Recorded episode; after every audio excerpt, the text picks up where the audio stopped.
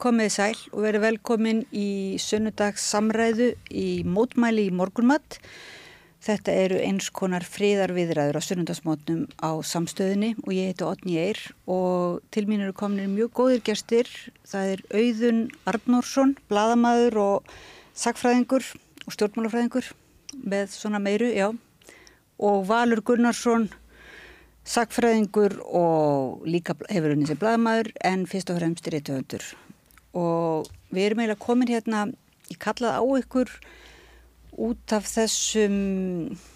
leiðu fréttum um andlát uh, andofsmannsins Navalny og svo er nú í gangi akkurat núna meðan við erum hér um eða vísu væri að segja, já, að meðan við erum að taka upp þáttinn að þá er sagt, uh, réttarhöldin yfir Julian Assange. Þannig að á sunnundagin þegar þáttur verður sendur út þá verður kannski komið niðurstaða í hans máli. En, en við ætlum svona að pæla þess í um, eila svona þýðingu þessara örlega þessara man, manna sko fyrir, fyrir kannski einhvers konar andófsmenningu eða svona tilbyrði okkar á okkar tímum og líka kannski bara í rannsóknarblæðamennsku því að hefur báður verið svona brautriðendur í gaggrínirni blæðamennsku og reyna að hérna það kannski, ég veit ekki hvort það má flokka ykkur sem andófsmenn en, en svona, jú, ég hugsa megin og flokka ykkur sem andofsmenn í, í svona víðaskilningunum Já, spenningum alltaf hvað er að gera andof gegn. En, já, en einhver tilfellum, já. Já, ég menna svona andof gegn kannski bara upplýsingaóriðu og, og svona einhverju uh, einhverjum common sense svona, er það ekki? Í líraðisríkjum þá snýstar þú kannski meirum að blaða mann síni valdöfum afhald frekar en andof Jó, það er svona kannski þetta, já. En, en, en má ekki segja að uh, yfir þetta þessi skilda bladamannan að veita aðhald, já, já, er kannski svolítið að verða á okkar tímum að hálgjörðu andofi eða verður skilgreint þannig að því það er orðið, einhvern veginn finnst mér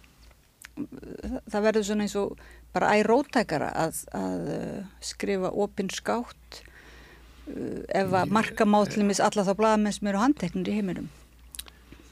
hluta þessari polariseringu kannski þessari skautun sem Já. Uh, samfélagsmeilum er að hluta til kentum Jú, en spynir um hvar, hvar er þetta að tala um líðræðsíkjum vestlöndum, en það er alveg, alveg starrend að málfrelsi hefur rakað í heiminum og undanföldnum árum og allir svona mælikvarðar á, á líðræði og svo framvegi sem að mjög sorglegt að því að frá svona 1990 þá voru allir vísar upp á við. Mm. maður held að það væri bara nána sjálfgefið að það er meiri friður og meiri, meira frelsi og, og hérna. Og réttaríkið næði fótfestu í fleiri landum og svo frammeðis Já, sem náttúrulega auðvitað þrún en það er heldur betur að fara í öfu átt og síðan alltaf er þetta tímamóta ár í ár. Þetta er mest að kostninga ár sögunar það eru hvað þriðjungum mannkjens eða eitthvað sem er að kjósa leitu að meira segja í ríkjum, ófrjálsum ríkjum eins og Rúslandi og Kvítarús en, hérna, en hins vegar er þetta mjögulega slemt ár fyrir líðræðið því að við sjá og ég hef líka kannski sjá sko valdhafíum sem ríkjum sem er hálf postmótunískin einnig að þess að vera með sko lúmskar og glúrnar í því að beita upplýsingaóræðu til þess að ná sínu fram mm. frekar heldur en valdi og það er kannski líka svolítið munurinn á, á Sovjetríkjónum og Úrúslandi Pútin að í Sovjetríkjunum þá var alltaf verið að ljúa fólki og fólk vissi að vera að ljúa því og það var líka kannski að sjá í gegnum það. En uh, í uh, eh, Úrúslandi Pútins þá uh, veit engin eitt og engin tristin einu og einhvern veginn er það niðurstaðan að ef engin tristin einu þá er hægt að raskast með það vild og þá er þetta að fá fólk að gera hvað sem er. Mm -hmm. Það er þetta svona óreiða eins og þetta óvissu ástand, þú getur um þetta ekki gengið að vísu að eitthvað sé líi heldur þar, þar stór hluti af þinn, þinni svona uh, vitsmun og orku að fara í það að greina greina Já. bara að þú hefur umveruleg ekki kannski uh, þú hefur ekki mikil viðmið eða, svona eitthvað til að stiðja þig við Það var þetta að vera einhver, einhver fest á einhver kjarni og einhverja staðrindir til þess að mm -hmm. tala um og, og sem er kannski haldaði sér og svona klókir og sjá í gegnum allt en það er einmitt þeir sem að þykja sjá í gegnum allt sem að verða síðan aftur mest auðtrúa. Já, og hoppa á samsæðiskenningar og alls konar slikt. Já, já, já, já. Þetta er svona dæmi í yllums blaðmennsku eða hvað? Ég held að sjá með þetta um allt, en þetta er, þetta er svolítið bara það sem gerðist í Rúslandi undir 30 árum, að það er ekki þannig, pútinískur áriður er ekki þannig að rússar sjálfu sér trúu, eitthvað sem þið sagt, eða trúu á hann heldur að þið trúa, hérna, heldur að þið trúu ekki neyn, þá er alveg skott bara að trista á þetta og, því miður eru við svolítið á þessari vegferð á Vesturlundum líka. Mm -hmm. og þegar sko bara, þegar sko Trump segir hérna segir eitthvað þá meiri sé að vita fylgismenn hans að hann sé að ljúa það er enginn sem heldur því fram sko að Trump segi alltaf satt. En þetta er einhvern veginn bandalag á milli sko tjósenda hans og hans um það að þeir séu einhvern veginn saman í liði gegn hinnum og þess vegna sé allt í lægi að ljúa þeir þá einhvern veginn klekkja þeir á anstæðinum Já, þegar, þegar sko umræðan í líraðasíki getur ekki lengur grundvallast á staðarendum að fólk viðkennir ekki staðarendur eins og Trump og hans fólk gerir Já. tala bara um alternative facts sko þetta, þá er ekki grundvallur fyrir önnurleiri umræð og uh, sluta vandamælun er þessi greppa þá blada mennskunar sem fags það sem sem að hluta til er vegna netsins og hérna, það sem uh, sko einmitt um, hvað maður að segja bladamenn, fag, fagmenn í, í, í bladamennsku er ekki lengur hliðverðir fólks að upplýsingum og síja ekki lengur það sem fólk uh, fær í gegnum fjölmjöla mm. Um, að þá er orðin þessi tilneying til að leggja svona blokkara og uh, faglega bladamennsku að jöfnu Já. sem er auðvitað mjög slæmt fyrir upplýsinga miðlun í samfélagi ef að, ef að fagmennska upplýsingamiðlu er að engu hafð og hérna e, menn emitt eins og Tökkur Karlsson sem er ekki bladamæður, hann er, hann er bara svona blokkar í sjónvarpi, er, hefur aldrei unnið sem bladamæður eða ekki sem fréttamæður, ekki sem hérna, hann hefur aldrei unnið samkvæmt sigðarreglum bladamanna, hann er alltaf bara verið svona táttastjórnandi með með svona bara spjalli sem núna á síðust árum hefur bara snúist um ákveðin pólitísk skilaboð mm. og uh, að senda þannig mann þá til að taka viðtalið Putin er auðvitað eða svolítið uh, dapurlegt sko ef að Vesturland get ekki fundið betri mann til að taka viðtalið. En er Putin sko. samþýtt eitthvað? Já, það er einu spurning, það var endar aðtilsett í þessu viðtalið þá var eins og Putin væri sjálfur hissað eitthvað uh, þessi vestræni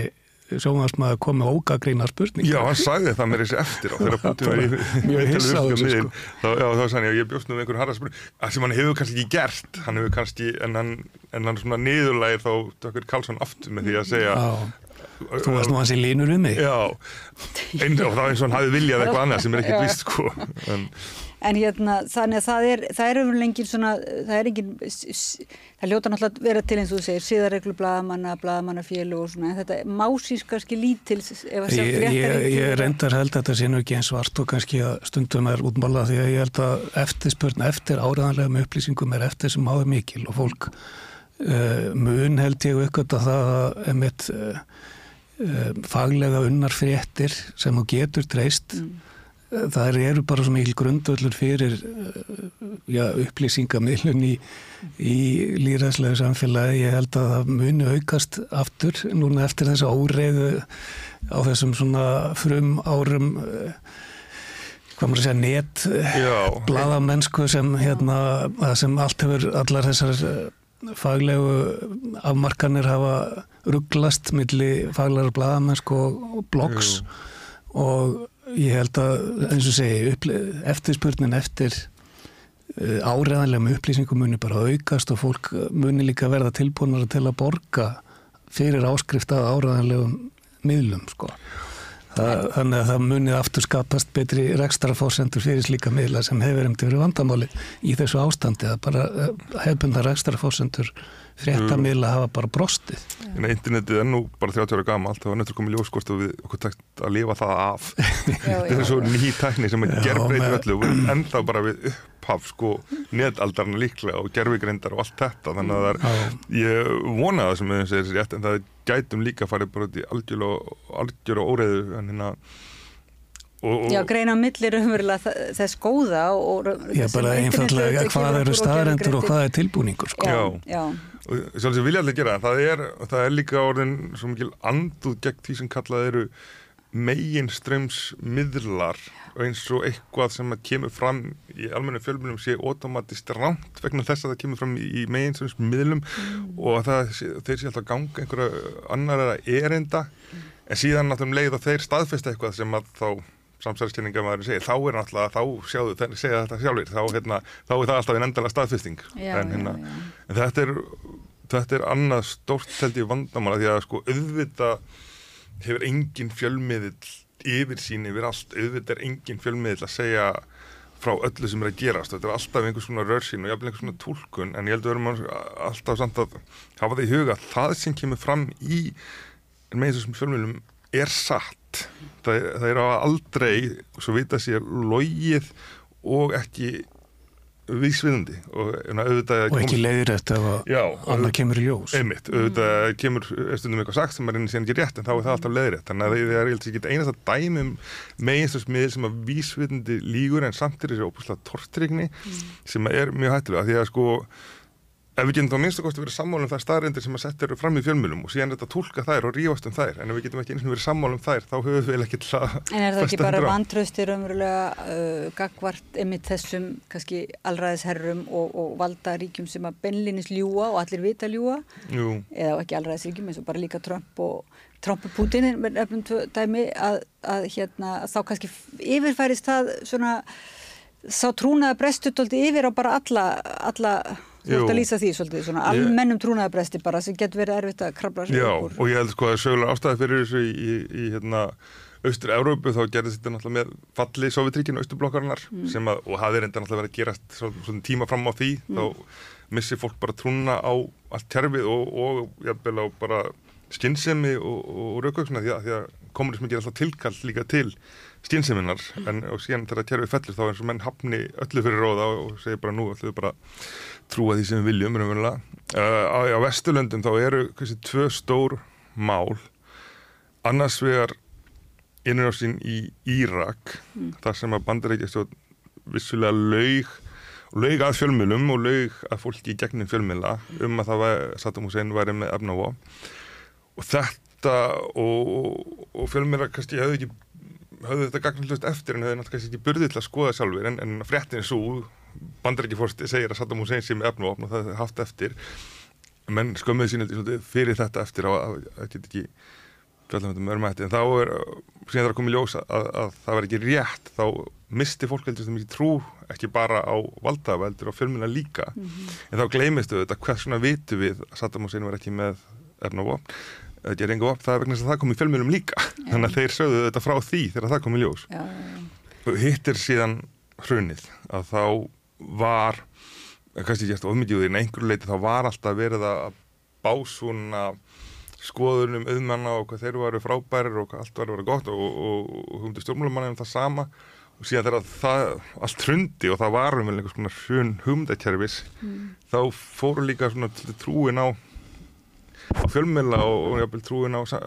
stærnindi líka því að raunnið þó það ekki verið svo mikið efnaðarslegt hér þá var þetta rosalega mikið humdafræðilegt mm -hmm. og ég líka farið bladamar á þeim tíma Já, þetta er samfælislega tröst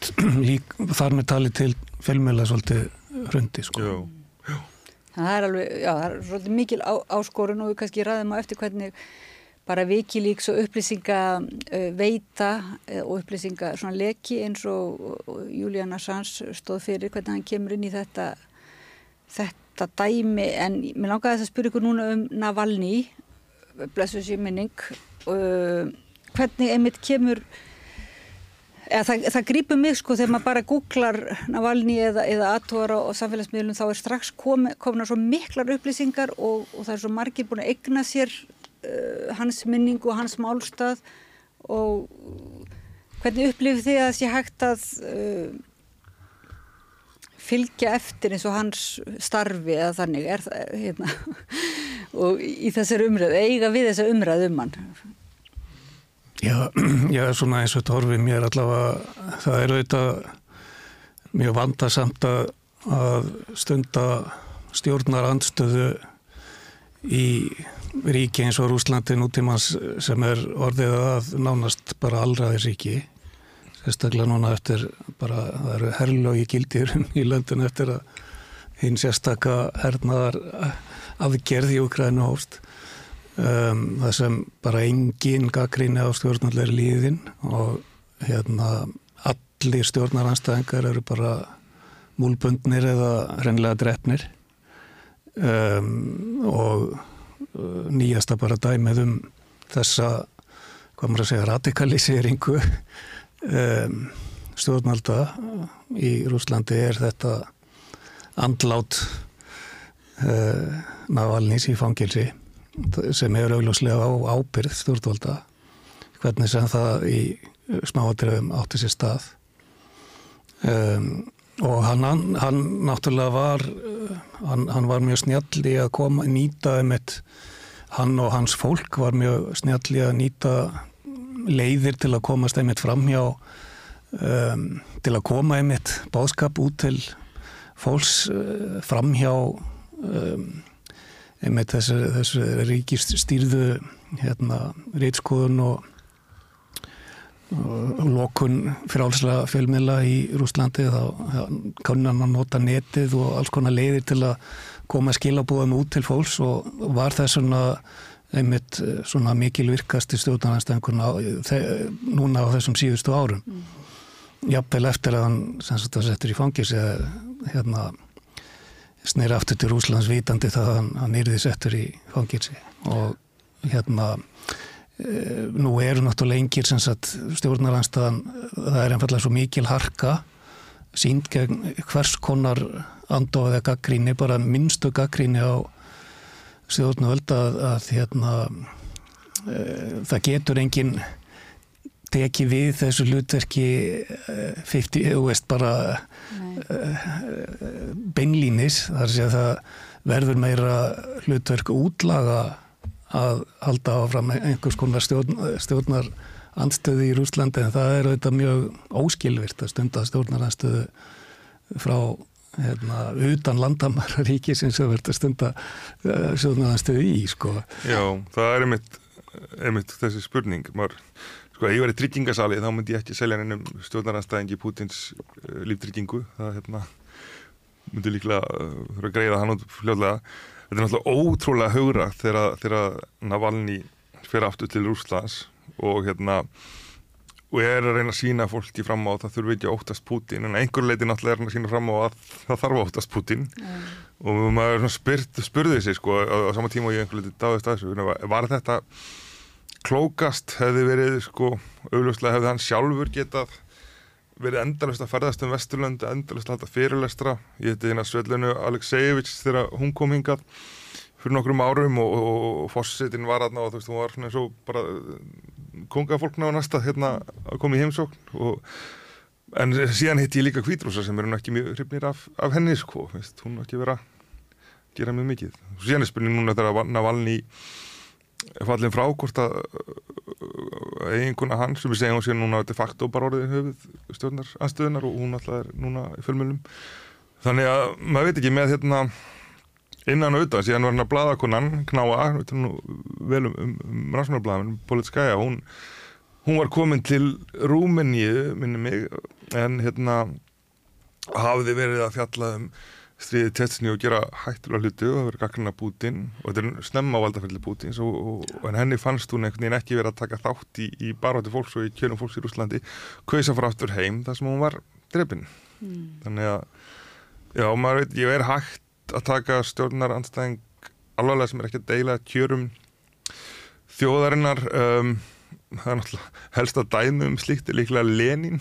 sem að uh, bjóðið allsnæktir í Sviss og kom síðan heim þegar bildingin var eiginlega búinn og, og, og tók hana yfir mm. þannig að það er hægt en hérna En manni finnst nú líka eins og þetta óttaleysi eins og segir, hann var að eh, með því að snúa allir baka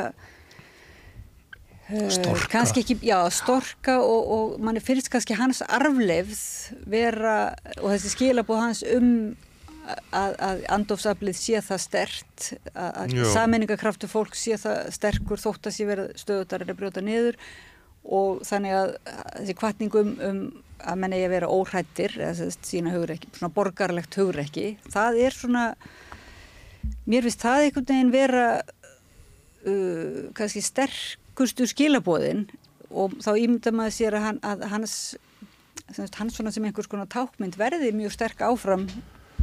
í Rúslandi og kannski um allar heim Já, og, og, og Jón Ólafsson saði myndi strax eftir þetta, já, hann getur orðið bara Skeinuhættari, Já, látinn en látinn, lifandi. Já, og, þá, og manni fannst það strax og svo er fólk, alveg hundurum hans hérna, allir handteknin sem eru að mótmæla Já, sem bara Þess- vildu sín honum virðing. eða sína virðing, já, sem Já. kom með blóðum þá var þetta Já. myndir af, af, af fólki eh, her, hermunum Það var ekki eins og liðið, sko. að tæta, tæta blóm sko af minnisverðum og svona Já. en, en, en, en hvað fannst ykkur þá að þetta var svona fyrsta sem ma maður hugsaði sko, þetta hvað þetta er stert og er sterk í, svo hérna og þessi taktikan sem þetta nota notast fleiri miðla, notar um ákveði táknmál og, og fars og bros og húmor og, og, en hérna síðan bara snýmaði sér í hálfring og þá eru bara helstu svona ég veit ekki eh, hálgerðir allraði skungar einhvern veginn búin að e, svona, draga að sér þessa frægð hans og, og eigna sér. Uh, Trump líkti sér við Navalny til dæmis og svona þá hugsa maður hver verður þá þessi symbolíska hérna, hva, hva, hvað er að gera í því svona? Ég veit ekki nátt hversu mikið en auðvitað einhver nýtir aðdáðunar þá nefnilega allir bera sér saman við Gandhi eða Mandela eða eitthvað. Ég, ég veit nú ekki og þessi Trump póstur var nú held ég ekki hérna Ekki djúphugsaður. ekki djúphugsaður og heldur hefur ekki hafa mikil áhrif á hans fylgjendur sem að kannski vita ekki hver Navalny er en, en það er enda fróðulegt að hann, hann þarna þessum pósti þá líkir hann sjálfur sig við Navalny og þá bætinn við Putin í framhaldinu Já, og hérna uh, og stundum er næstan allir undir Putin ég, Já, svo fyrir Júlía náttúrulega ekki að Navalny's og samstarfskonans fer í uh, og það eru myndir af, ha, fer í heims og til Bidens og hérna, þannig að þá finnst mann eins og uh, ég veit ekki þetta, mann dattur hug bara þú veist, liggum við sko bjartur í sumarhúsum þessi setningum hann hafi verið að sá í akkur óvinnarsýrs alla sína tíð, þetta andof Navalnys, þá er þetta aldrei sárt ef, að, ef að það, það er síðan þá bara peð á vogaskál svona þessara polariseringar og kaldastriðsins aftur. Ég það sem þetta hann allavega eins og ég skil það sem hann uh, aðalega stóð fyrir var að Rúsland uh, veldi það að með stuðningi uh, bara almennings að verða venjulegt evróst ríki sem líti ekki á nágranna sína vestar í Evrópu sem óvinni heldur sem, sem samstarfs uh, þjóðir og hætti því að vera með hérna, hætti þessari áráttu að líta á næstu nágranna sína í vestri sem óvinni. Það er, það er mjög djúbstæð kynnslóðalöng áráta kremlinveri að líta þannig á en það þarf ekki endilega að vera þannig og, og það er það sem hann var að reyna að benda rúsum á að þyrti ekki endilega að vera það væri þetta uh, móta aðra stefnegagvart nákvæmlandum Rúslands og, og hérna byggja upp nýtt og öðru sig og nútímalega og betra Rúsland það sem allir nýttu betur lífskjara og svo framvegis en sem þau gera ekki undir núverandi stjórnarháttum Nei, þetta, þetta er náttúrulega deila sem er búin að standa í Rúslandi í mörg hundruð ár. Er, er Rúsland partur af, af Evrópu eða er það eitthvað annað? Og það sveiblast uh, fram og tilbaka ég held sín vitist freka að vera að líta svo á að Rúsland verður hlutur af Evrópu. Putin jafnvel að byrja með en, en eftir 2012 hefur hann alveg sveiblast í hinn áttina og, og hérna og Navalny náttúrulega var bæði í hugsunum og náttúrulega í útliti líka bara vestrætt stjórnmálamæður sem vildi hérna uh, já, taka upp líðræðislegi gildi sem að hérna og það er eitthvað svona hugmynd og hann líkar á annari kynslu heldur um Putin það kannski skiptir líka máli og ólsnu upp í nágræni Tjernobyl. Eða var, var þar hjá AVM held ég mikið á sumrin. Já, það er nú En, hann, er, en hann, hann, hann sem svona leiðtogi og býður sér fram til fórsetta og, og, og, og er hann í stjórnmálflokkum og svona og svo á hann þessa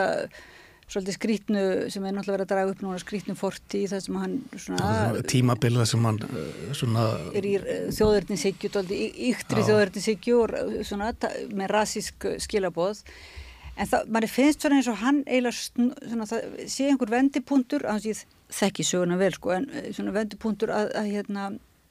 hann gerir þetta svona fyrst og fremst svona andofsmaður, ekki beinlinis kannski með eitthvað svona prógram hvað ég að koma í staðin heldur svona aðalega þetta að upplýsa um spillinguna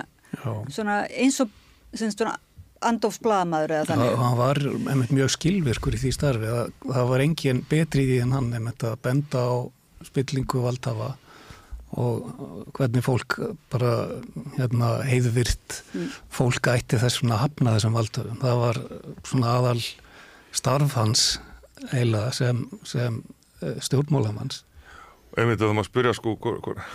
það var einhvern veginn átt að fara í frambóð því ég mitt ekki rúsa sem segja hann var miklu meiri bladamæður heldur en stjórnmálamæður og, og var hann mjög fýtt sem slíkur ég er nú með hérna ég er í tískun á mig með rúsnesk konaðana sem að mjög sár og leið þetta daginn sem Navalny dó mm. og Berlín var að, var að fara að mótmanna þá en hún sagði að ástandið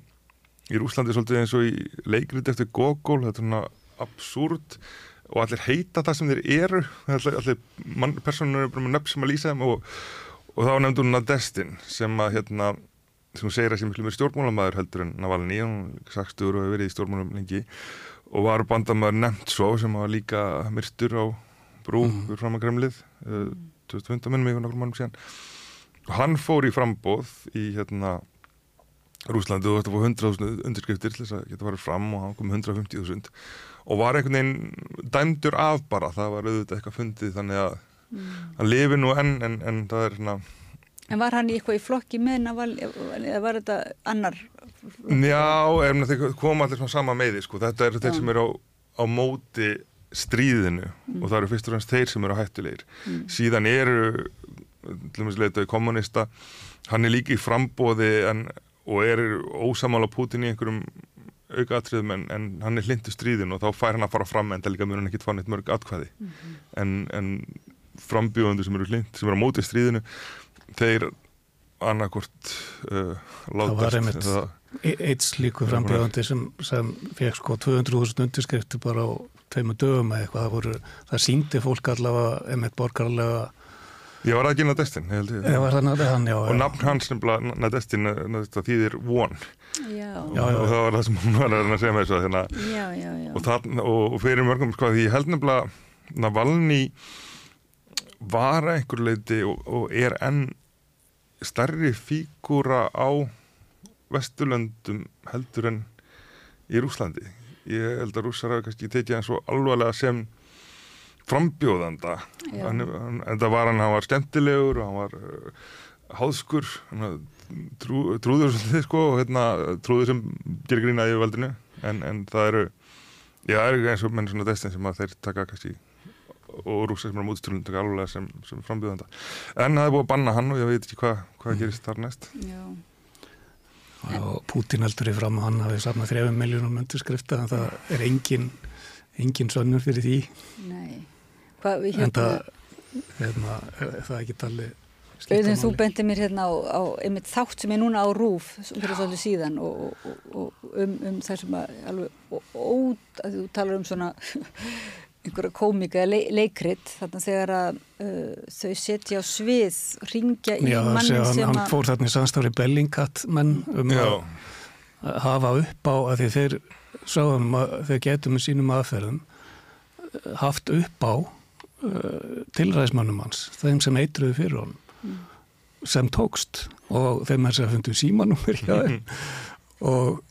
bara hérna, tóku upp þeirri ringdi í þessa menn og einn þeirra uh, gleifti agnið og sagði bara reynskynnislega frá hvernig þau smurt eitirinn inn í saumanna á nærböksunum hans inn á hotellinu og svo framvegis. Og Ó, þetta er alveg magna móment í heimildamind að og Navalni sjálfur er að tala við hann og leika sko, sem sagt, leika einhvern annan er ekki, leika hersöðingi leika yfirmann í, í hérna, Dálítið góður leikari. Já, hérna, það er alveg magna þessi þáttu var síndur aftur á mánudaginn og hérna í rúf og það sem líka merkildi eru bara viðbröðun af Valni sjálfs, hann er eins og spring á hlátri sko, Já, en finnst þetta veika svo manni sko. sko. þetta er það sem að drapa næstu Já. og þannig að, já, þannig að hann gerir sér grein fyrir þeirri lífsættu sem hann er í en hann gestur henni tekist á hann með þessum þætti, ég held að mjög fáir myndu geta það ef að hérna En svo sína hann náttúrulega líka pínulega eftirsjá og, og svona áhyggjur, þetta er svona mannlega þessi maður sem hann talaði við Já. þetta, hann, hann týndist og reynda bara að honum, já, og þau gáttu nú kannski Komið- sagt sér það að vera að byrta, byrta þetta en ákveða sjálf. Og það er ímislegt svona, já, hann er svona aðeins trickster, sko, Já. hann er svona ekkit alveg uh, eitthvað fullkomin og, þá, og sem leiðir mann að Emmett Julian Assange sem að núna er þeir, þeim er svolítið annarkvært spyrt saman eða stilt upp sem andstæðum sko, ég meira heyrt sko að, hérna, að það sé annarkvært heldur með Assange eða Navalny og, og, og, svo, í, í tilfelli Assange þá er líka alltaf þetta persónulega þú veist, hann hafi verið óabörgur í kvennamálum, að það var þessi nöðkunar kæra og alls konar. Og það er, manni finnst það vera auðvitað bara umræða út af fyrir sig sérstaklega ef hann væri allir í frambóði en, en breytir ekki því að þessi gjörð hans verður maður ekki að ræða um hann þetta aldrei bara Ég sérstaklega finnst sko. það bara svolítið verið að bera saman eplu og appelsínu sko. Nú, að bera saman Navalny og hann? Já, Já, já, nei, sko, ég, ég get alveg haldið með þeim báðum, ég held að það séu einhver leiti, ef við uh, skiljum önnumál eftir en bara það sem þeir eru að gera í, í starfísinu, Mm. einhver leiti er það svipa en einhver leiti er að, er að koma fram með, sko, Navalnir háðskur en hann er líka að koma fram með upplýsingar eins og þess að höll sem Putin hafa búin að byggja sér og hérna, að afhjúpa upplýsingar sem stjórnvöld vilja ekki að Já. verði ofinberar Já, ég meina það, Þa, þar sé ég einhvern veginn það sammeila En sko, það er líka bara- unni sam, samlíkingin eiginlega eiginlega endar það sko. Já, Já, síðan náttúrulega hérna, en það má líka kannski gaggrinni þá að því að þeir hafa stundum verið pínu kjærlega sem að byrta upplýsingar sem gætu sett einhver í hættu, það er líka gaggrinni að þá báða sem að það má líka velta fyrir sér en að er upplýsingar það mikilvæg en þannig að þetta er þarna gaggrinni sem að þetta setja fram. Uh, það sem margir vilja hérna líta svo á að ofsóknir og, morð myndi óbynd Pútins á Navalny sé sambarlegt við það sem hefur verið að gera Assange sem að það er ekki alveg en að það er ekki verið að setja eitur í nærbuksur Assange. Það er, er bandaríkistjórn er þá að beita þarna tækjum réttaríkisins til að fá hann framseldan ekki, já, ekki mordtilræðum sko, það er ansi mikil munur á það er sem ekki munur á en að því sögðu þá finnst mér nú samt að fremja dómsmorð á honum. Hann, hann kom fram með upplýsingar sem voru réttar og síndur um á stríðsklapi bandrækjamanna í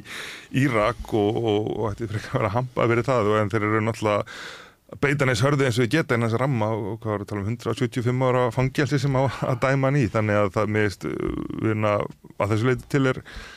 að Sanchez hetja fyrir mér fyrir það sem hann gerði þarna líkt og, og, og Navalny og hérna, já og, og, og mér finnst bæði eh, ég finnst slemt það sem er að gera, mér finnst það gott sem þeir geru slemt sem er að gera við þá. En, en það er samt ekki að segja að þar með eru Bandaríkin og Rúsland orðið nákvæmlega það sama. Nei, nei, það er það þarf að horfa þarna í það er verið að beita þó tækjum réttaríkisins sem ekki er gert í Rúslandi Nei. En sko en, en, en bæði raunverulega í báðum tilvikum er já, það er náttúrulega margt eiginlega til umfjöllunar en, en kannski líka er þetta með upplýsinga, upplýsingarnar sko. Hva, hversu réttlætanlegt er það akkurat að byrta og mikilvægt að byrta upplýsingar sem að Ég, ég held reyndar einmitt að Wikileaks og fleiri sem, sem eins og þegar hérna,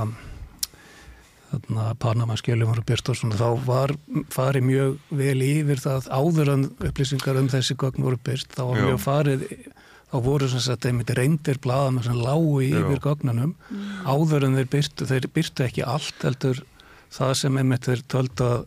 væri að fletta ofan af glæpsamlegri hérna, starfsemi og uh, sagt, byrtu upplýsingar sem þannig sé þetta ekki koma illa við neitt nema þá sem ætti það skilið að kemur illa við. Já,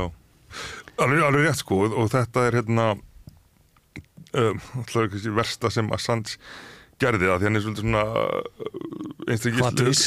hvatvís, hann líka bara sko svona ofstopa fullum mann að segja fyrir sínu málstað sem er bara allar upplýsingar alltaf eiga að vera aðgengilegar. En síðan var hann að sko,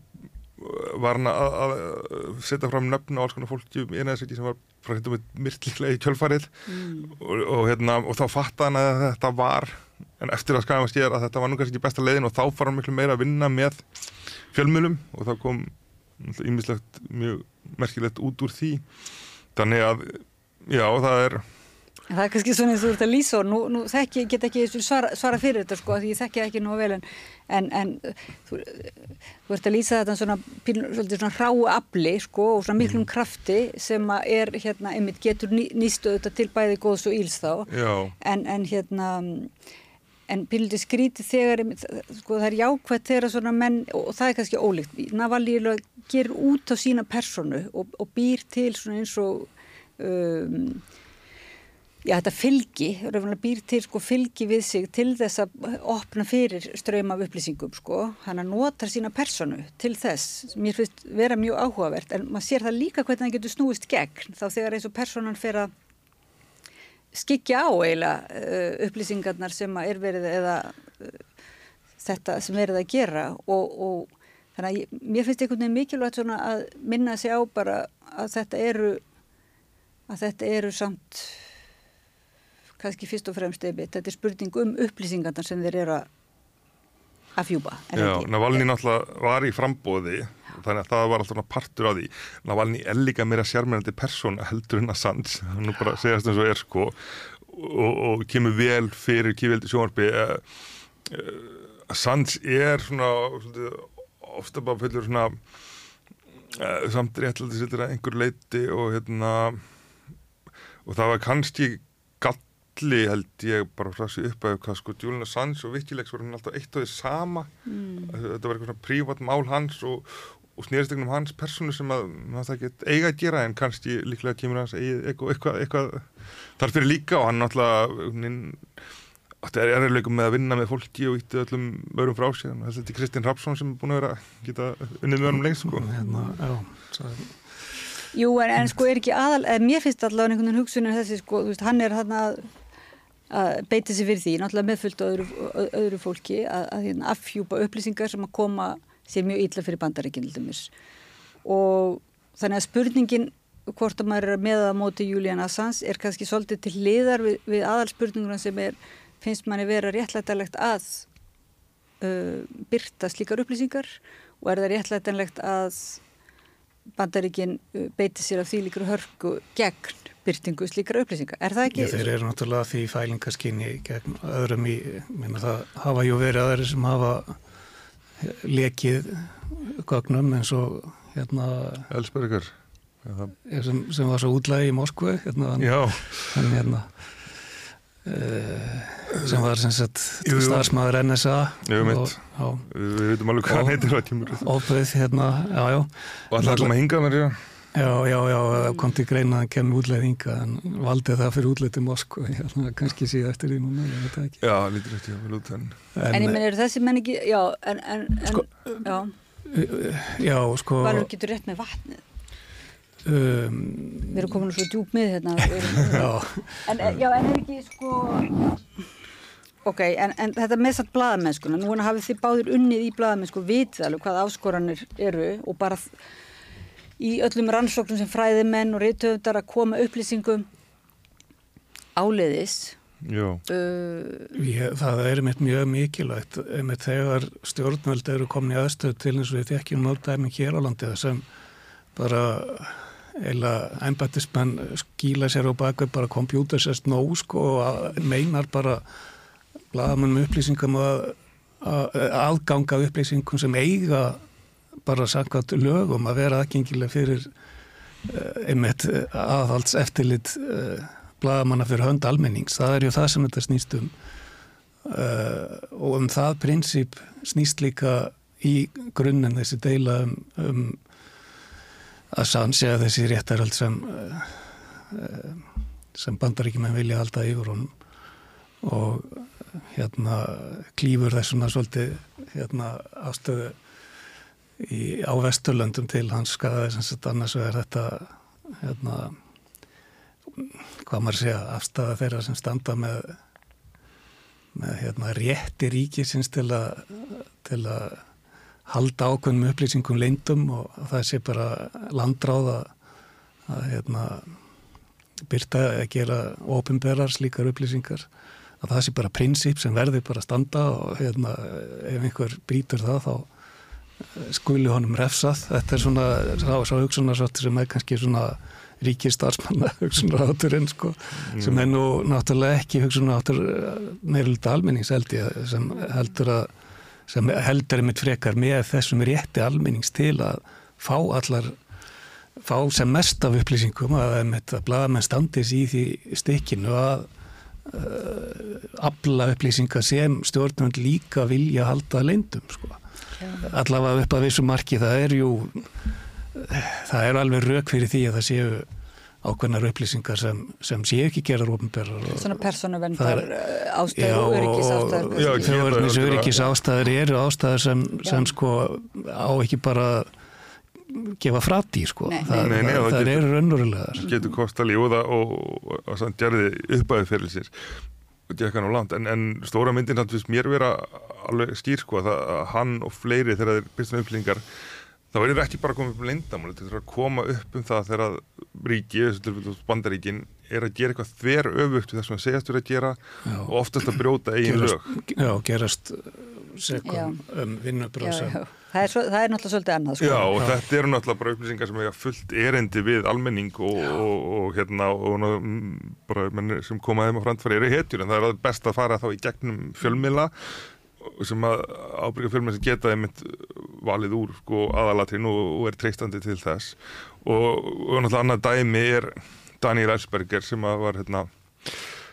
uh, að vinna fyrir þjónustur hann er saðinni og hérna og bara var á kvöldin að ljósita Pentagon-skjölinn og síndi fram á 1971 að bandaríkin væri að gera allt annað í Vietnam heldur en þau sögðust verið að gera sem að Já, ég veit, ég veist að það hefði kannski sem ég áhrif stöða kannski stríð en hann hefur þannig að hafi mikil áhrif á það hvernig fólk sjá, sá það. Og alveg eins og hann þá er ég vissum að Assange, bæði Assange og Navalny muni koma vel út í sögunni. Mm -hmm. ég held að sagan muni vera Assange hliðhóll hvað sem að er stjórnvöldun er að, að gera.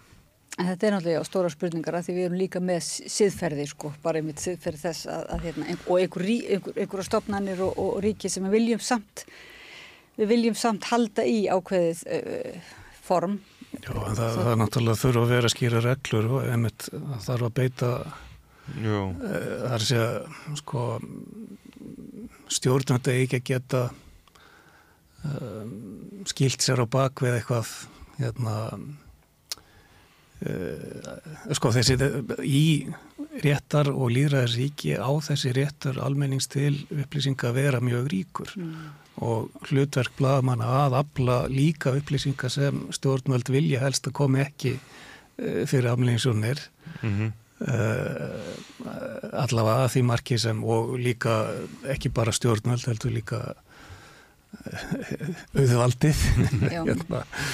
Sem er að stýra, stýra hérna stýra stórum fyrirtækjum og slíku. Það er líka oft upplýsingar sem vilja ekki að komi fram ofinbellega sem er þó hlutverk sérstaklega rannsónaflaða manna að sjá til að, eða afla upplýsinga um og koma þeim að framfæri. Og þetta er auðvitað mikið eh, almanna hagsmörna þjónustu hlutverk sem bladamenn sinna en er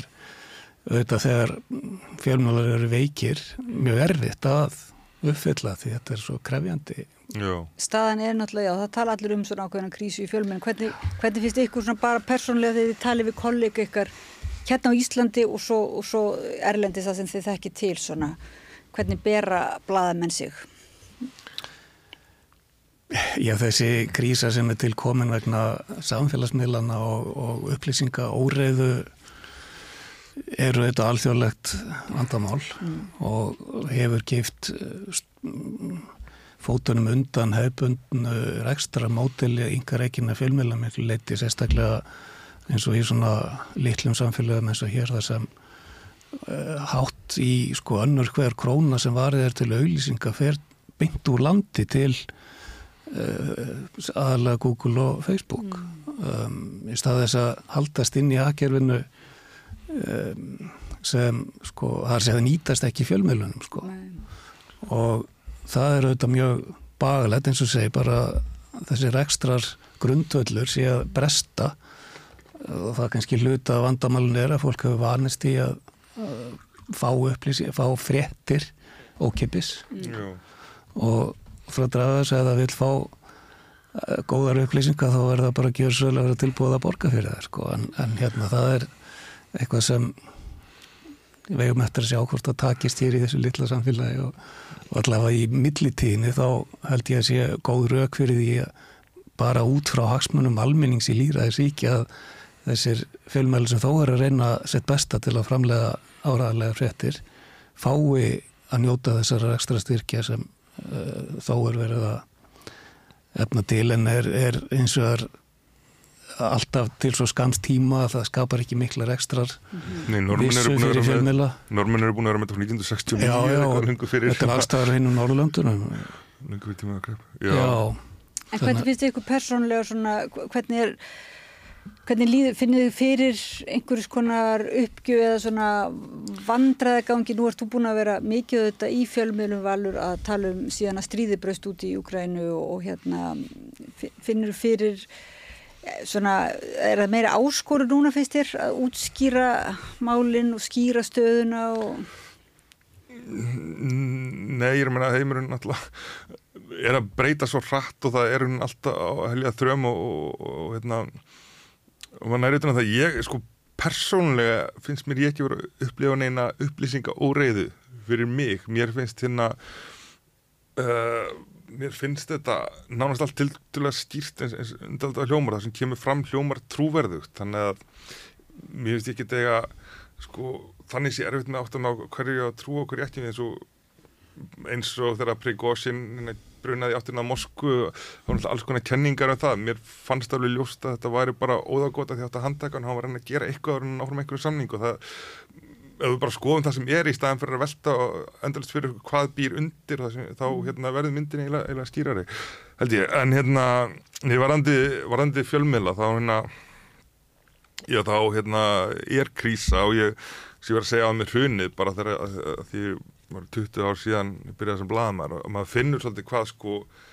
þegar ég byrjaði sem bladamæður þá er svona virðingastarf virðingar heiti að vera bladamæður, núna eru bladamennan einhvers þar með lögfræðingum og stjórnmálamönnum sem eitthvað sem þetta er að lið sem að ætla að kenna um hvað sem er nema ólíkt uh, þingbönnum og, og, og lögfræðingum er þeir uh, á lámarslaunum og það sem er svo leiðilegt að heyra er að, að það er alltaf að gera bladamennum upp einhverja sakir að þeir séu drifnir áfram. Ganga einhverja erinda sko, erinda einhverja abla sko. Já, af því ef hefði vildi gera það þá er þeir allt annað heldur um bladamenn af því að þetta er alltaf fólk sem er að reyna að upplýsa málu, uppfræða almenning alltaf á lámast launum og, og að því að það er líka bara krísa í fjölmjölum með að það eru farið fjölmjöla til og, og borgar læri laun að hérna að þá er alltaf uh, svo freistandi að fara eitthvað annað og all fyrirtækir hún að koma með fjölmjölafulltrúa mm -hmm og það er eitthvað sem að breyst, það er kannski 20 ára síðan, þá ringdur þú í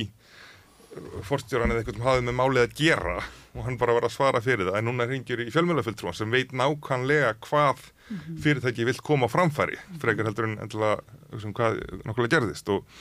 og stjætt fjölmjölafulltrúa hefur hérna, held ég, er núna helmikið starri heldur en stjætt bladamanna sem að alltaf eru fleiri þá sem er að venda ímyndir eh, þessara stofnana fyrirtækja heldur enn sem er að reyna að koma upp um hvað raunverulega gerist þannig að En er það þá, er þann þá nokkuð langsótt samstæðiskenning en ekki að að, að, hérna, að þessir fjölmjölu fullrúar eða þess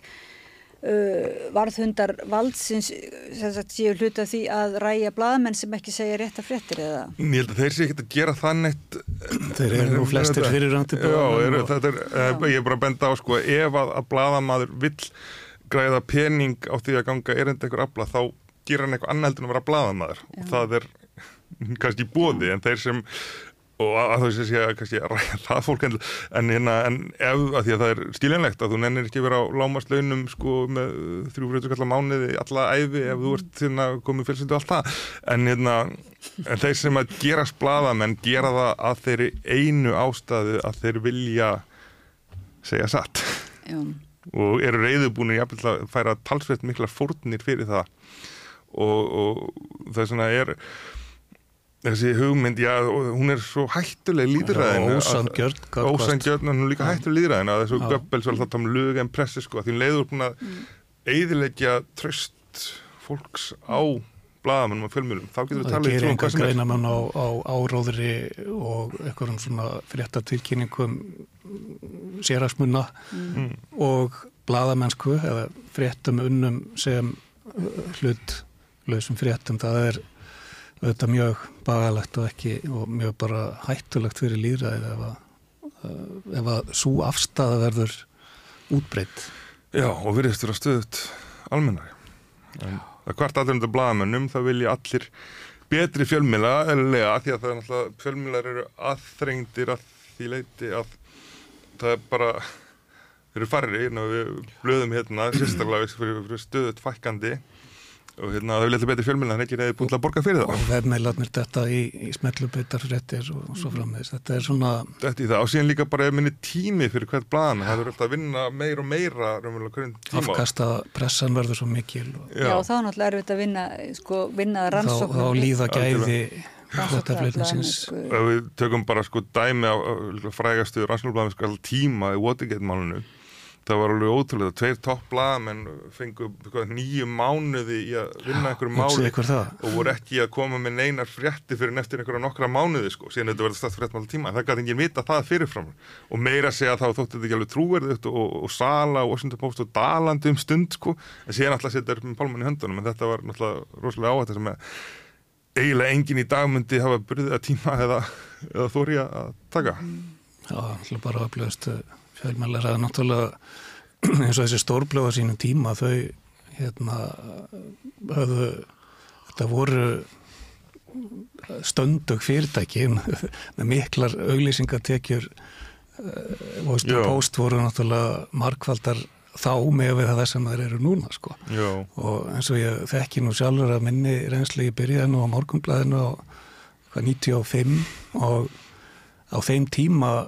tók morgunblæði þetta eina dagblað til sín uh, mér skeist um þriðjung allar af auðlýsingatekna á Íslandi, eitt dagblað mm. en þá var líka uh, hundrað uh, blaðamenn í fullu starfi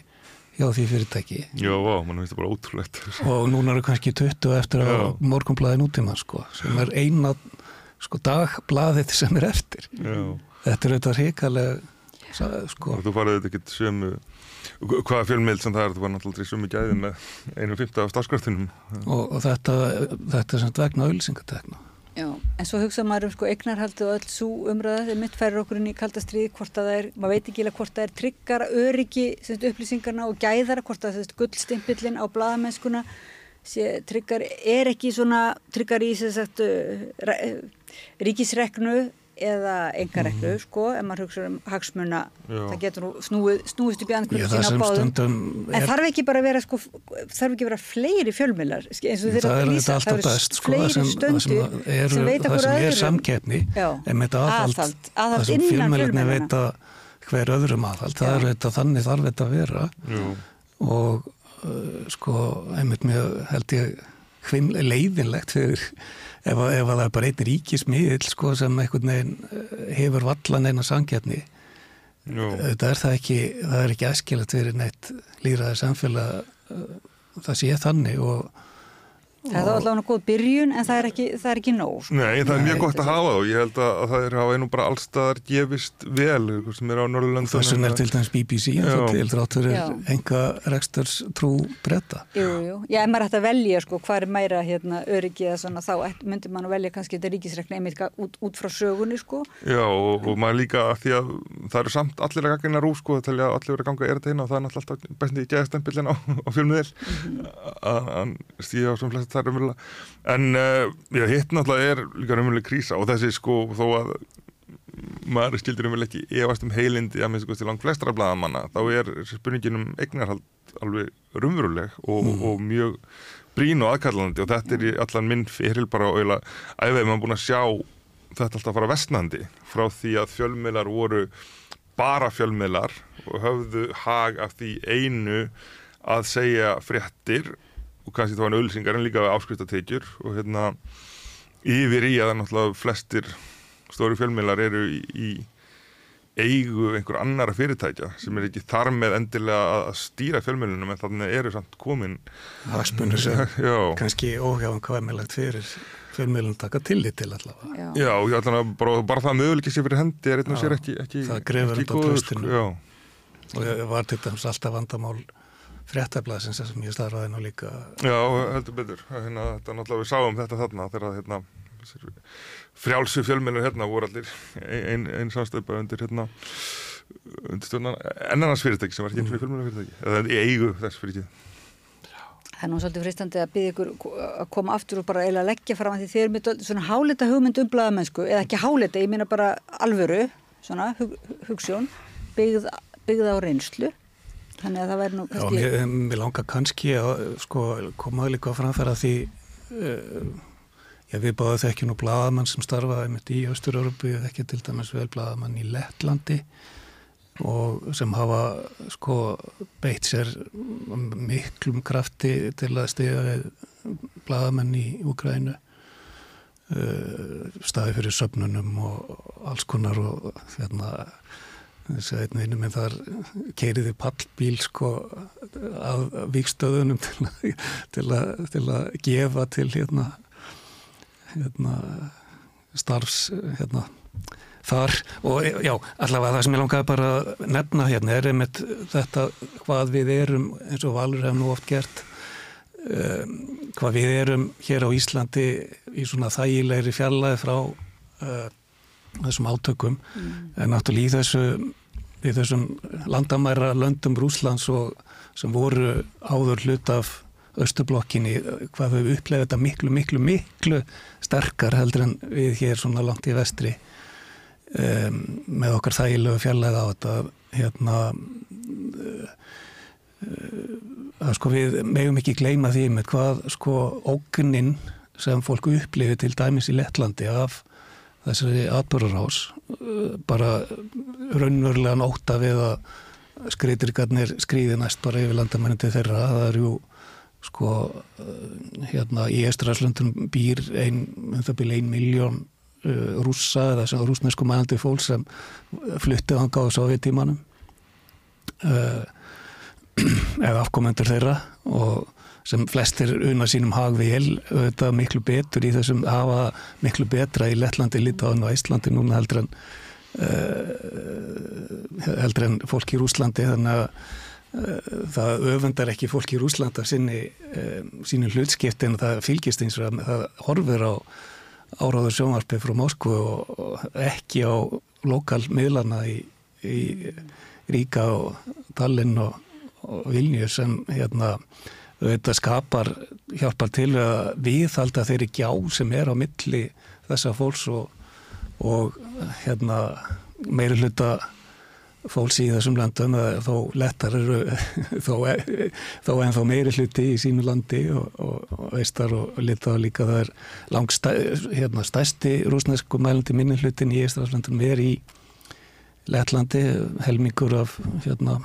Ríka borg sem er langstæsta borgin í Ísraelslandunum er eru þessi, en það er rúsnesku mælti fólk en það er sem sagt, þetta er alveg svona aðskilin samfélag sem bara mm. einhvern veginn hálf leið eitthvað stanna hjá sér sko mm og það er þetta bagalegt og svo en, en það líka veldur því að e, það er mjög nærtækt hlustand á Pútin sko að hann nýti e, mynd hlutskipti þessa rúsnæsku mænandi fólk sem til aðstæði til að senda hérinn á staðin og hérna þannig að óttin er mjög raunverulegur og, og þessi bladamann eins og segir sem ég þekki þau hérna hafa auðvitað á þessum 30 árum sem þá eru liðin síðan Sáðutryggjum hröndu eh, lært einmitt mjög hérna lært að meta frelsið og réttaríkið og öll þessi gæði sem við njótum á Vesturlandum þau hafa lært að, að hérna eru ekki sjálfgefin að þau ólust upp þó í Sovjetríkjum muna eftir þeim tíma og uh, vita hvað þetta eru dýrmætt réttindi og vilja ekki missa þau sem þau vita að þau myndu missa ef að, ef að rúsar fengju sitt fram. Þannig að þau, já ég held að það sem er mikilvægt að við hérna í þessari þægilegu fjalla höfum þetta í huga Já, sérstaklega því við getum nú, ég verður nú þá bætaði við að við kannski þurfum nú aðeins að spekla okkur í því og sjá við, það er ekki alveg augljóst að við höldum alltaf þessum réttum hérna Þessi... og það kannski það er nú aðeins svona blíkur á lofti um að það sé ekki alveg sjálfgefið okkar hérna áunnu, þessi áunnu réttindi. Já, það sé allavega ekki sjálfgefið að, að einhverjur aður en við sjálf sjáum okkar eigið öryggi. Það er svona kannski líka eitthvað sem Íslandika þurfa að hugsa meira um að taka það meira alvarlega að þeir um, hugsa meira um að sjálfur að tryggja eigið öryggi, ekki að treysta á Já einhverja 50, 60, 70, 80 ára gamla samninga við bandaríkinn til dæmis. Já. Það er... Já, en það með við í líraði, þú finnst þið hvernig hérna, þetta byrti sko að því að republikanar í bandaríkunum, sumir, þeir allan sem eru lengst til hægri, þeir lítar svolítið á Pútin sem einhvers konar bandamann fyrir íhald sem um gildum og í baráttu við eh, eitthvað þóma eh, og transfólk og einflýtjendur og, og allt þetta sem að þeim finn slemt sko og meðan er fólki í Vestur-Európa hér sem lítur á, á Pútín sem eitthvað svona andstæðing bandarískra heimsvaldastöfnu sem er náttúrulega alveg út í hætt en það sínur hvernig, hvernig hérna sem er nú einhver arfleð frá sovjetíman sem er það, já, það er miður það, það er hvernig, það, hvernig þá fólk sem skilgjandi sér þá sem sósialistar og pútinistar nútíma sem er reyni bara mafíu fasismi Já, ég, mér finnst það það er svona svolítið hérna maður finnur til pínu löngunar sko og nú er þú náttúrulega búin að vera að skrifa skáldsögur líka og þú þær þessi að vera doldið örugur með leif ekki bara karakterónum að verða tákmyndi fyrir hvað sem er sko að því manni finnst uh, við lendum nú hérna við vorum í, það, umræðum Navalni þar sem einmitt uh, það var þá tækifæri til að uh, upphefja Putin Já. Þú veist þannig að Navalni var allt í nú bara svona eins og peð í, í upphæfningu á Putin af því að einhverjur hafði farið offari í að uh, gera Navalni að einhverju ofbásleiri frelsishetju sem væri sko fullkominn og myndi þá vera bara, bara eins og Jésu Kristur og þar með væri það ránt, sko þú veist þetta verður eitthvað svo fyrðuleg notkunnin á, á þessum personum sko. Já, ég held bara við erum alltaf og Selenski er, er einn personan þetta eru rosalega personur finnst ykkur ekki svona stundum vanta Þarna líka enduróma svolítið held ég árangur þessar uh, áraðarsvilar í Rúslandi sem skila sér jáfnveil allarleið í auksunarhátt fólks hér á landi. Já, þú verður orðið verfið það. Já, já, það er nú önnur. Stöð hérna sem til dæmis er mjög eh, viljug til að ber út þannig skoðanir. Já, og ég myndi taka anstöðbólun en þetta er líka svolítið kannski við erum satt sem að líka bara aln upp af Hollywood bjómundum og það er alltaf vondikallin og góðikallin og við, þérna, við held ég yfirfærum þetta bara svolítið á heiminn og sumi líta svo á sjálfdjár þetta, bandaríkin eru bara útur fræðsins og líraðis í heiminum og eru góð og anstæðingar þeir eru vondir aðri snúði algjörlega á haus og segja bandaríkin eru alltaf vond og allir sem eru mótið þeim hljóta þar leðandi vera góðir. Og þetta er alltaf bæði sama í raukvillinu, alltaf búum í endalust floknum heim með endalusum hagsmunum og endalusum fólki sem er að gera endalusa hluti og það er náttúrulega aldrei, það er fólk sem gerir mjög slæma hluti og það er fólk sem gerir mjög góða hluti en það er ekki hægt að flokka neitt niður kannski svona gott eða slemt bara svona, svark, svona svarkvít heimsin er kannski svolítið næýf bara einfallega. Jú, er, erum við ekki að tala um þegar polarisering og svarkvít, það, það, er ekki, það er ekki þar með sagt að við ætlum ekki að gera neina greinamunni eða þannig, en nei, við verðum aðeins að neka þeim til eins og til dæmis Netanyahu uh, veist, þessi umræðu um gýðinga eða, eða araba sko, veist, svona, allir eiginlega, eiginlega svona, fjölmiðlar og þannig tóku sér saman um að segja, þetta er ekki aðalatrið aðalatrið er að þetta er það er ofbeldi hérna, mm. þetta er ofbeldis þú veist, aðeins að svona eins og rétta af hérna. Algjörlega, en ég held að getum alveg gert greina mun sko á góðum og slæmum aðgerðum. Já. Og eða, eða segja sko þar að leiðandir allir gíðingar vondir eða já, já, já. allir arabar vondir sko. Og hérna, góðum og slæmum stjórnarháttum. Já, og er náttúrulega að gera stjálfulega hluti og hefur náttúrulega að gera allan sinn feril og náttúrulega að ganga miklu lengra núna þannig að það er alveg rétt að fordama aðgjör hans en, en það að bara skipta heiminum ekkert niður í tvö góða liðið og vonda liðið það hérna það, það dugir mjög skamt til en að En mér búið að langa svo lengi hérna samstöðun til að spurja því það er, ég held að það sé svona eitt mest notaðasta orð hérna í umræðum er polariseringen mm. eða skautunin. Uh, myndi þið geta svona rétt uh, svona undir lokin uh, útskýrt? Hvernig orðið við já, okkur? hvernig, hvernig, hvernig ættum við að orða þetta hvað þetta er Nei, hva, já, bara hvað hva þýðir þetta segjum sem svo? Fyrir einhvern sem hefur aldrei hýrt þetta til þess bara. Ég held að þetta sé bara einhver mest, mest að hætta sem stedjar að okkur í dag innan allra þjóðfélaga. Í bandaríginum vil það tala um það að sko republikanar fara á Dunkin' Donuts og demokrater fara á Starbucks þannig að þeir þurfa aldrei að hittast lengur. Að samfélagin skipta sér upp í tvo hópa sem að talast ekki við og eru líka að horfa á mismunandi fréttir. Og þarna koma fjölmiðlar og mikilvægt þeirra svo mikið inn í þetta því að það sem að til dæmis í bandaríkjunum þegar voru þrjár sjónastöðar sem voru visslega takmarkaðar allir voru að horfa þeir þá var þetta að tala saman um það sem þar kom fram. En nú náttúrulega hvar, í flokki sem þú stattur þá leitar þau bara upp miðla á netinu og algoritmanir íta undir það. Þín, þín Facebook síða, þín samfélagsmiðlar sína bara frettir sem eru sammála því sem, sem að þér fannst sem, fyrir. Já, það sem þú varst að tala um upp að þetta tröstur umverulega, þú þarf ekki og hvort þú trúir því ekki já, það ítir undir þessa skautun og, og, og í rauninni hérna gefur róttakari, íktari skoðunum meira vægi heldur en þetta að fá sko. Já, já, já það, er, það er náttúrulega annar önnur afleðing. Það er náttúrulega annar hugtakana sem er mikilvægt sem er bergmálshellin þú já. heyrir bara skoðanir sem þú ert fyrirfram sammála mm. og fer þá kannski lengra í þá áttina fyrir veginn að takast á og, skoðanir á, og það er meira óþólga hvert uh, skoðanir sem vikið frá þessu Allir sem eru ósamála mér eru er ekki bara heimskir, þetta er illa en rættir líka. Þá þarf einhvern veginn að, að losa sér við þá eða útlöka það með einhverjum hætti. Er svona og þegar all þjóðfélag eru klófin hérna niður þá hérna já þá er erfitt að sjá bara nánast hvernig þau geta fungerað, þannig að það er mestar ágjur á, á bandaríkjónum þar sem að hérna eru kostningar og, og það er ekki einhvern veginn víst að sko stórluti þjóðarna muni viðkenna úrslitt í þeim kostningum og þá náttúrulega eru við að tala um sko raunverulegan klopning en það er annarkort á heldur þetta áhrifum að klopna eða þetta næri einhvern veginn saman aftur þegar allir eru múin fá nógu á því að öskra sko. En það er auðvitað að sjá mig hvaða hætti það muni verða en, en einhvern veginn verður við að geta aftur komið okkur saman um einhverja grundulega staðrændir til þess að ræða. Og þá er auðvitað flóki hver á ákvað hvaða staðrændir skipta máli hver á ákvað hvaða séu og svo frá meins en við verðum samt að komast ánga því að annars bara gliðnar allt í sundin Þetta er auðvitað sögulega með merkileg í er tímar þegar þetta upprunalega þessu upprannlegi frasum eh, til hvers allarsbandalaði væri til að halda rúsum úti bandaríkjunum inni og þjóðurum niðri nú er rauninni þessi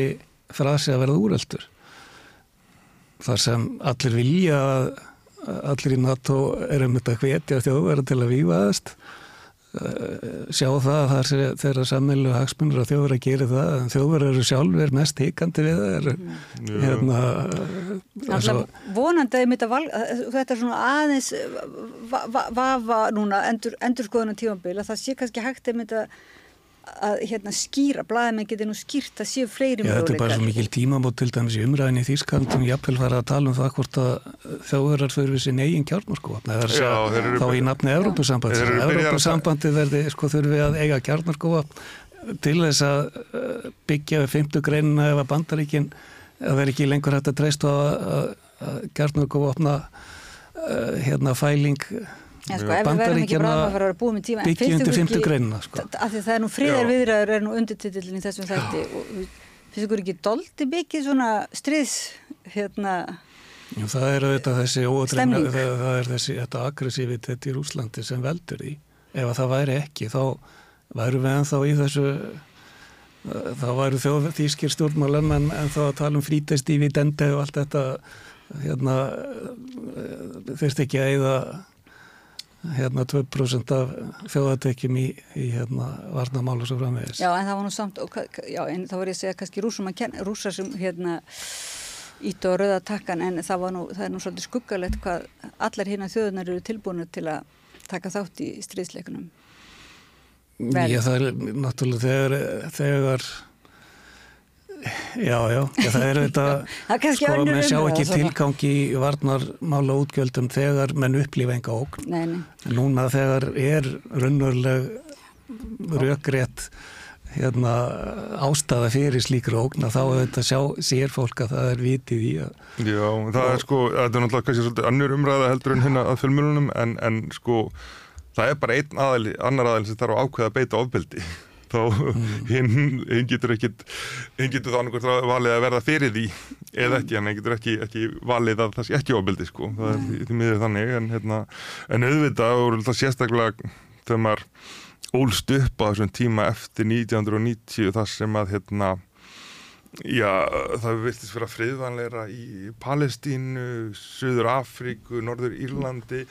með þessari undantekningu þetta sem var Bosnía sko, maður fannst að nánast sjálf gefið að, að heimurinn yrði betri og friðsamleiri og líraðsleiri sko og, og, og mér finnst þetta bara Allaveg innan Európa væri hóðsand að kemja aftur til svona styrsáta Já og mann finnst bara og, veist, hlutir eins og málfrelsi og líraðmenn leiðir þetta ekki, maður þurft ekki að spá í þessu og síðan allt í nú núna finnst maður eitthvað svona grundvöldar atrið sem alltaf þurfa að fara að berjast fyrir. Og hérna og sem það er bara stjálfilegt að vera komin til varnaðbaróti þannig að En ef við endur nú sko á Navalni að við komum að kalla okkur svona að, að því tilefni mm. uh, haldið að, að hann geti orðið svona tákmynd fyrir þetta uh, haldið að hann lendi í skautuninni verið fórnalap skautunar eða gæti hann jáfnvel verið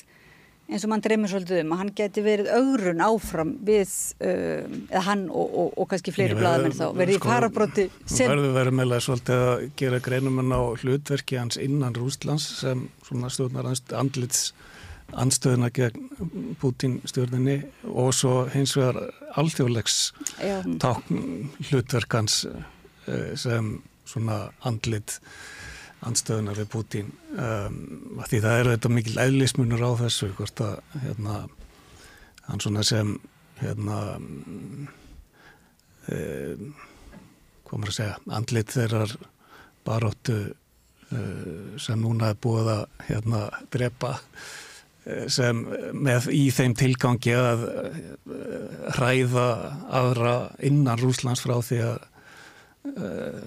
hérna sína minnstu anstöðu gegn stjórnvöldum að það er, það er þetta sem þarf að er alveg tvískipt og ég sé ekki fyrir mér að ekki að Navalnís-munni geta gengt hans hlutverki sem þetta andlit innan Rústlands en getur það eins og það er áfram alþjóðlega að mm. tekja við hans hlutverki svolítið sem þetta tákn Já og þegar hún, fer, þegar hún fer í fangið á, á, á, á bæten uh, getur við samt haldið áfram að, að líta á það sem, sem sko,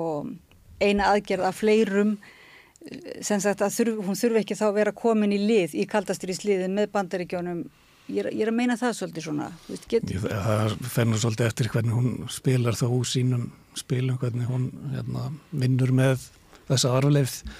það er svolítið henn, undir henni komið sko Já það er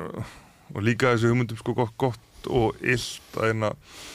við erum alltaf verið með hugsa um Navalni samt ekki bara sem vesturna stjórnmálamann eða fíkur heldur rúsneska og hann vildi skapa einhvers konar breyðfylkingu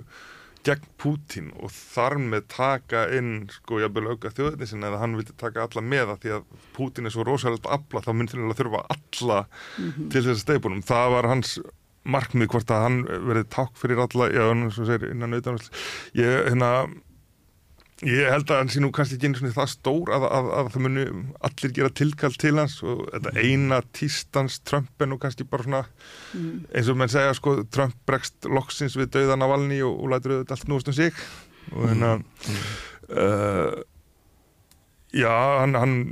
ég held að saga verði návalin í góð en hvers stór þáttur hans mun verða í sögunni, það er náttúrulega, mun saga hann leiði í ljós. Þannig að ég er ekki samfarður um það að, að hann sé, mun, sé þetta reysa tákn í Rúslandi sem muni fleita einhverju byltingu gegn Putin áfram en það eru kostningar í næsta mánuð og þó að niðurstunum sé fyrirfram gefnar þá er það svona ákveðin mótsögn í, í einaðarsvíkjum að, að, að valdhafar vilja fá ást fólksins eða minnstu kosti óttaðir á og ég held að Putin sé rosalega upptökin af þessum kostningum og hann vill að hérna... Það minnst þú veist takist að láta líta út fyrir að rúsa séu um, minnst þú veist því sáttir sem leitt og... Já og við sáum náttúrulega í, hérna, í Kvítarús fyrir fjórum árum og það er aftur kostninga það líka að hérna hvað þó kostningarna sjálfur sem mertingalust það gáti að vera svona táknið mitt andós og, hérna, og mótmæla sem að stóðu tókst náðu ekki fram að ganga en, en voru talsvöld mikil áskorun við stjórnvöld þannig að það eitthvað þannig með, með einhverjarsíki þá hérna veit maður ekki hvenar sko lokið fíkur á pottinum hvenar suðanir er það mikil eða hvort að það gerist en, en það er kannski svolítið að einhverjarsíki eru sem stöðuga þeir alltaf sami maður veld en þau eru sjálfur sem mjög óstöðu þannig að enginn sem spáði fyrir fallið Belnamúr sem áriðarna gerðist við vitum ekki hvort að Rúsland Pútins verði þá til eftir ár. Það gæti verið til þetta tíu ár við vitum heldur ekki hver muni taka við hann og þegar hann lætur á völd. Nei, allt getur gerst, við getum svona treyst því að, að, að íslenska liðveldið muni standa eftir tíu ár. Með að vona það, maður undrar minna bjart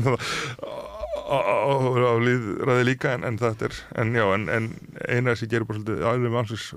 óstöðu og fyrir sjáanleg En það er svona, já, við, við viljum allavega ekki að niðurstaðan sé svo að hérna að uh, andofsöflin sem að vilja uh, veita ansbyrnu sem sagt einhvers konar ofriki að þau já ég sé fyrir mig Navalny og Assange svo, svo ég endur nú að, að, að, að þessir menn degi báðir. Að ég, ég sé fyrir mig það munir þá bara vel auka það, það er með verður fólk náttúrulega hrættara við að bjóða svona valdi byrgin Já, já. Já, já, já eins og segja við viljum samt gera þeim þetta en að greina það er aðhald í réttaríkjum en, en, en andof í, í valdstjórnaríkjum Jú, jú, að Sands náttúrulega held ég var loka, lokaðist inn í hann álokaðist inn í hann var líka lokaðinn í sendiræði Ekvator í hvað fjögur ár Sjö ár þar og Sjö, já, hún að fimm ár í fangilsi Þetta fær ekki með hilsan sko en hérna, nei, það, ég hef lít samt að þá sem, sem sko einhvers konar bóðbera sannleikans og auðvitað þurfa alltaf einhverjir að fórna sér til þess að sannleikurinn náði fram að ganga í einhver tíma og það er náttúrulega og það er sem bladamenn gera að einhverju marki en kannski ekki að fórna lífinu en að fórna sannum sér en alltaf það er Já, við veitum það að hann er búin að stella hérna eiginkorna sem er búin að segja það með skýrt að verði það nýjast að hann verði framsöldu þá mun hann styrta sér aldur mm. Þannig að, já, við vitum heldur ekki hvað hann mun lifa lengi. Nei, en ég held að ef fólk vil berga heiminum eða að minnst kosti gera gagn, þá ætti það að gerast blaðamenn og að atvinni horfur séu já. ekki góðar og raunin lág. Það er mjög góða hlut. Já, já bara, maður heyrir það, sko, maður er einhvern veginn sannfærist um það í spjallið við ykkur hérna og þið eru náttúrulega Auðun Arnórsson og Valur Gunnarsson þið uh, eruð rannsakendur og, og reytöfundar og, og grúskarar og fræðimenn. En kannski svona í andanum heyrðis mér svona kannski bara fyrst og fremst, eða ekki fyrst og fremst en allavega eru bladamenn í þessum svona skilningi að, að hérna Ég, ég, ég, ég er miklu meiri kannski sakfræðingur og, og reytöfundur og er að hérna kannski svona skoða hlutin á meiri fjarlað sko en, en mér finnst persónulega að rannsóknar bladamadur verið eitthvað göfuöftal hlutverk sem til er sem hefur uh, þór og úttalt í að fara og leggjast í hlutina og komast í því sem er umverulega gerist það finnst að ég get unni með þeirra hafni mm. ég tel mér ekki til þeirra en þetta en er storka valdinu já, mm -hmm. já þú, þú, þú kýst frekar núna að skrifa skátskap. Þú ert búin að gera þitt kannski í hinnu. Nei, ég myndi ekki eins og segja það. Ég, bara, ég, ég er ekki alveg bara týpan í það að, að líka í sömu, þú veist, þú veist endalust að tala við fólk sem ekki tala við þig, þú veist, endalust að, að hafa upp á, á heimildum sem einhver vil ekki komið fram og hérna og, og þetta er eitthvað mikilvægt starf sem til er. Og um, síðan finnst mér bara með það að taka vittum upplýsingum og, og, hérna, og vinna úr þeim eða hérna og greina, greina, greina einhverja, einhverja stærri mynd. Það er vonandi þá sem þetta, já, að fólk að ungd fólk fari óhrætt yfir í, hérna, láti ekki uh, svona hugfallast. Nei, Nei, nákvæmlega. og að það verði einhverju fjölmjöla að taka við þeim. Þannig að ef, ef, ef fólk vil gera gagd þá er það líka að styðja við þá fjölmjöla sem þau trú á eða kannski heimildin sem er, er helst gengt þessu hlutverki í rannsónarblæðamennsku og á Íslandi. Það er ekki nóg bara kvart undan því að fjölmjöla sé ekki nógu góðir. Það er líka að vera reyðbúið til þess að leggja sér þetta mörgum Þess vegna hef ég nú trúið því það muni aukast uh, vilji til að til að borga fyrir áræðanlegar upplýsingar. Já, viljin er hann einhver starf en það þarf, þarf að koma, koma þessu í betri farveg Ok, takk ykkur kærlega fyrir að koma til mín á förstu degi og, og hérna varpast út uh, til þeirra sem eru viljugir einmitt að, að um, viljugir að horfa á svolítið öðruvísi fjölmiðl eins og samstöðin er reyna að byggja upp og, og með svona þáttöku hlustenda og áhorfenda sem gerast áskrifendur og, og hérna og fylgjast líka með fréttum inn á síðunni. Kæra þakkir, uh, ég þakka, já, sagt, kæra, ykkur þakka ég fyrir og hlustendum og áhörfendum. Þakka ég kærlega fyrir að vera með okkur. Takk.